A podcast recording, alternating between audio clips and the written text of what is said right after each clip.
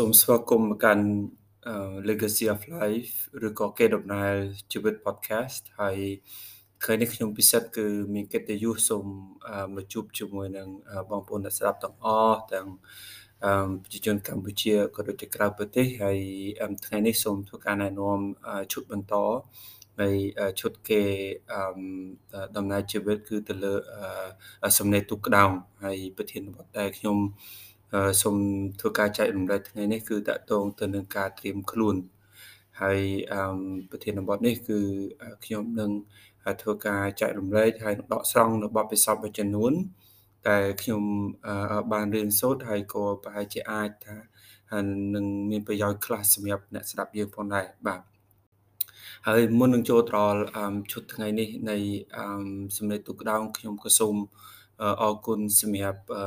មិត្តភ័ក្តិហើយនិងបងប្អូនដែលស្ដាប់ដែលគាត់បានគ្រប់គ្រងចែករំលែកដើម្បីឲ្យ podcast នេះអាចដំណើរការទៅបានជាបន្តទៀតហើយអឺក៏សូមអរគុណផងដែរសម្រាប់បងប្អូនអ្នកស្ដាប់ដែលគាត់តែងតែ comment តែងតែផ្ដល់មតិហើយនឹងអឺផ្ដល់ជា review ផ្សេងផ្សេងបាទនៅលើ podcast ដែលគាត់កំពុងស្ដាប់បាទគឺពិតជា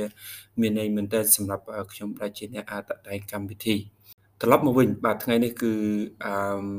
ប្រធានបទដែលខ្ញុំឆ្លាញ់គឺតកតងទៅនឹងការត្រៀមខ្លួនហើយខ្ញុំនឹងធ្វើការចែករំលែកនៅអត្ថបទទាំងស្រុងដូចតទៅបាទការត្រៀមខ្លួនប្រៀបបានជាថ្នាំទឹកការត្រៀមខ្លួនប្រៀបបានទៅនឹងអង្គតិកក្នុងរាងកាយដែលមានសមត្ថភាពការពារនិងពង្រៀងពង្រឹងរាងកាយដើម្បីការពារប្រឆាំងតទល់ទៅនឹងការវាយប្រហាររបស់វីរុសចង្រៃពីខាងក្រៅអញ្ចឹងដែរ ហេតុអ្វីបានជាខ្ញុំហ៊ាននិយាយដូចនេះក៏ពីព្រោះការត្រៀមនឹងអាចជួយឲ្យបុគ្គលម្នាក់ជំនះភាពភ័យខ្លាចការស្មានជាអវិជ្ជមានលេះការប្រើកម្លាំងសុទ្ធសាធការបោះបង់ងាយហើយក៏គ្មានយុទ្ធសាស្ត្រនិងជំនួយដ៏មានផែនការដំណោះស្រាយត្រៀមសម្រាប់ទប់ទល់ទៅនឹងហានិភ័យឬក៏ឧបសគ្គដែលនឹងអាចកើតមានជាបន្តបន្ទាប់នៅក្នុងសង្គមជីវិតផ្ទុយទៅវិញ ការមិនត្រៀមខ្លួនជាមុន បានគ្រប់គ្រាន់ប្រៀបបានទៅនឹងការជិះទូកឆ្លងទន្លេដ៏ល្ហល្ហេវឬក៏ឡើងភ្នំ ឬធ្វើដំណើរដ៏វែងឆ្ងាយដោយមិនបានដឹងពីលទ្ធភាព សមត្ថភាព និងហេតុការណ៍ចៃដន្យទាំងឡាយដែលនឹងអាចកើតមានអញ្ចឹងដែរជីវិតជាដំណើរដ៏វែងឆ្ងាយបំផុតមួយ កាលពីឆ្នាំ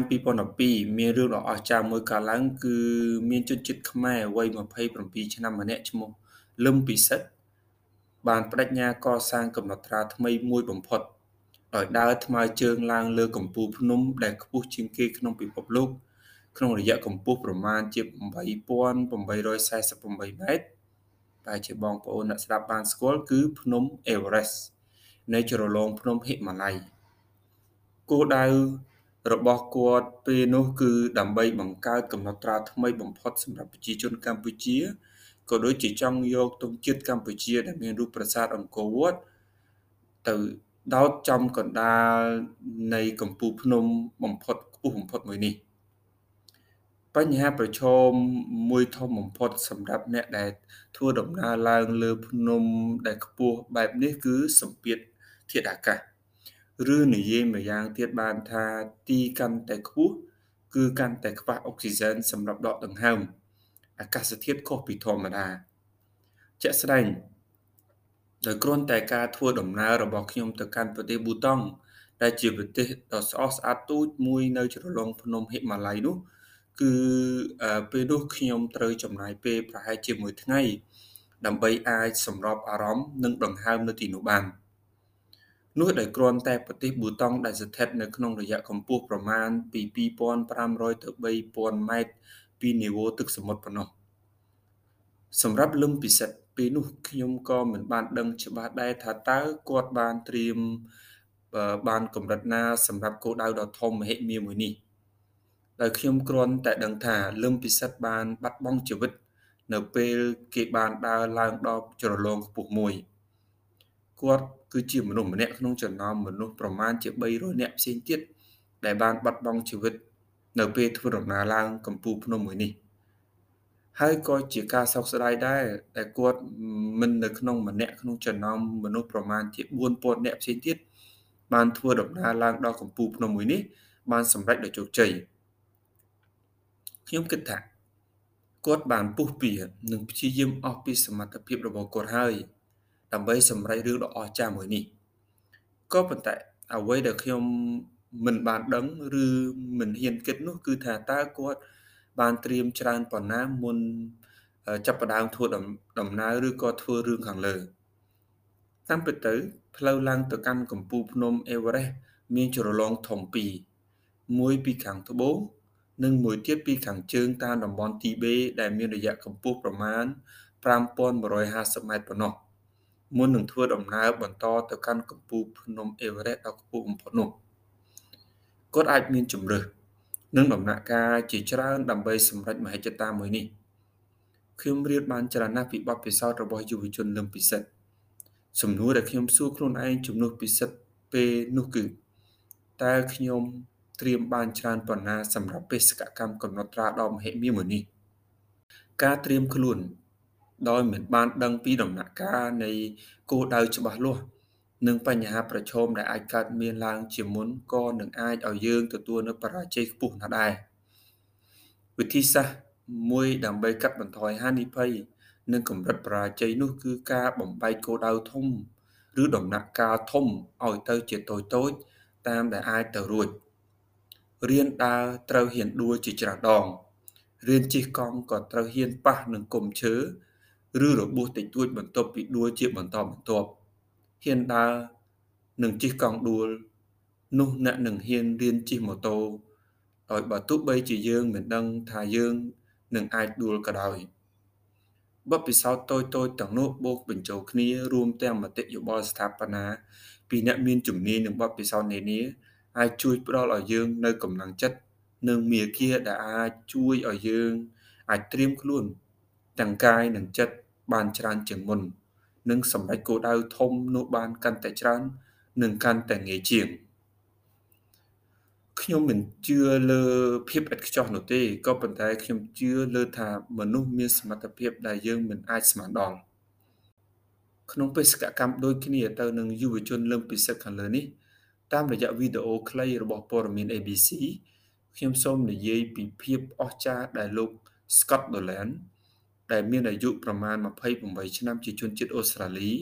ពិការជើងទាំងពីរដោយគ្រោះថ្នាក់ម៉ូតូកាលពីអាយុប្រមាណ17ឆ្នាំគាត់បានសាងនៅកំណត់ត្រាដ៏អស្ចារ្យមួយសម្រាប់ប្រទេសអូស្ត្រាលី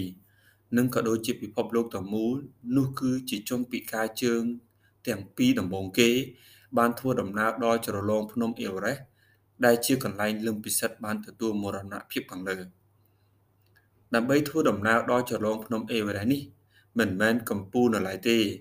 ជាមធ្យមត្រូវការពេលចន្លោះពី9ទៅ12ថ្ងៃ ក្នុងរយៈចម្ងាយផ្លូវដើរឡើងប្រមាណជា65គីឡូម៉ែត្រ Scott អាចធ្វើបានក្នុងរយៈពេល10ថ្ងៃដោយប្រើប្រាស់រទេះរុញជនពិការច្នៃថ្មីមួយរបស់គាត់ ដែលពេលនោះគាត់ត្រូវការជំនួយតិចតួចបំផុតពីអ្នករួមដំណើរជាមួយជាពិសេស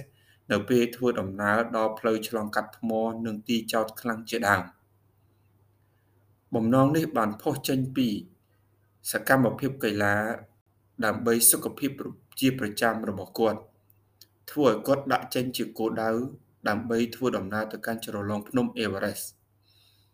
មុនពេលចាប់ផ្ដើមសម្រេចគោលដៅដ៏ធំនេះ Scott បានវឹកហាត់ខ្លួនតាមរយៈនៃការហាត់ឡើងភ្នំនៅ New South Wales ជាប្រចាំចិត្តរបស់អ្នកគឺជាដែនកំណត់ នេះជាការលើកឡើងរបស់គាត់ ទីបំផុតគាត់អាចធ្វើបានបើទោះបីគាត់ពិការជើងទាំងពីរក៏ដោយ ជារួមទោះបីគាត់ពិការជើងទាំងពីរក៏ដោយប៉ុន្តែការត្រៀមខ្លួននិងការវឹកវឹកហាត់ បានគ្រប់គ្រាន់ជាមុនរបស់គាត់កំណត់នៅលទ្ធផលរបស់គាត់ ដែលអ្នកបានឮនៅពេលនេះ ខាងលើនេះគឺជាគោលបំណងមួយដូចគ្នា ហើយជាមួយនឹងលក្ខខណ្ឌជាមួយនឹងការត្រៀមខ្លួនផ្សេងគ្នាលទ្ធផលគឺអាចទទួលបានខុសគ្នាដូចគ្នាខ្ញុំដឹងថាការត្រៀមខ្លួនគឺអាស្រ័យទៅលើកលៈទេសៈហើយនិងសមត្ថភាពហើយនិងលទ្ធភាពរបស់បុគ្គល ប៉ុន្តែទោះបីជាយ៉ាងណាក៏ដោយ ការត្រៀមខ្លួនឲ្យបាន គ្រប់ជ្រុងជ្រោយនឹងបានកាន់តែប្រសើរយើងនឹងអាចទទួលបានលទ្ធផលកាន់តែផ្លែផ្កាហើយនឹងសម្រេចបានកាន់តែធំធេងមិនថាលោកអ្នកស្ដាប់កំពុងតែត្រៀមចង់បានសម្រេចអ្វីមួយដែលជាគោលបំណងគោលប្រាថ្នានៅក្នុងជីវិតប៉ុន្តែការត្រៀមខ្លួនពីឥឡូវក្នុងរយៈពេលមួយសប្តាហ៍មួយខែមួយឆ្នាំ គឺនឹងអាចឲ្យយើងឈោងចាប់ មិនទោះបីជាថាគោលដៅនោះតូចឬក៏ធំយ៉ាងណាក្តីពេលវេលាគឺជាអ្វីដែលយើងមានហើយប្រសិនបើយើងប្រើប្រាស់ហើយត្រៀមមកល្អយើងនឹងអាចសម្រេចយូរនឹងឆាប់លឿនឬក៏រហ័សជូនពរបងប្អូនអ្នកស្ដាប់ទាំងអស់ទទួលបាននឹងសម្រេចនៅអ្វីដែលខ្លួនប្រាថ្នាហើយនឹងរស់នៅប្រកបដោយក្តីស្រឡាញ់ទាំងអស់គ្នាខ្ញុំពិសិដ្ឋពីសំឡេងទុកក្រោម Legacy of Life គេដំណើរជីវិតសូមអរគុណនិងសូមជម្រាបលាជួបគ្នានៅវគ្គជាបន្តបន្តទៀតសំណាងល្អអរគុណ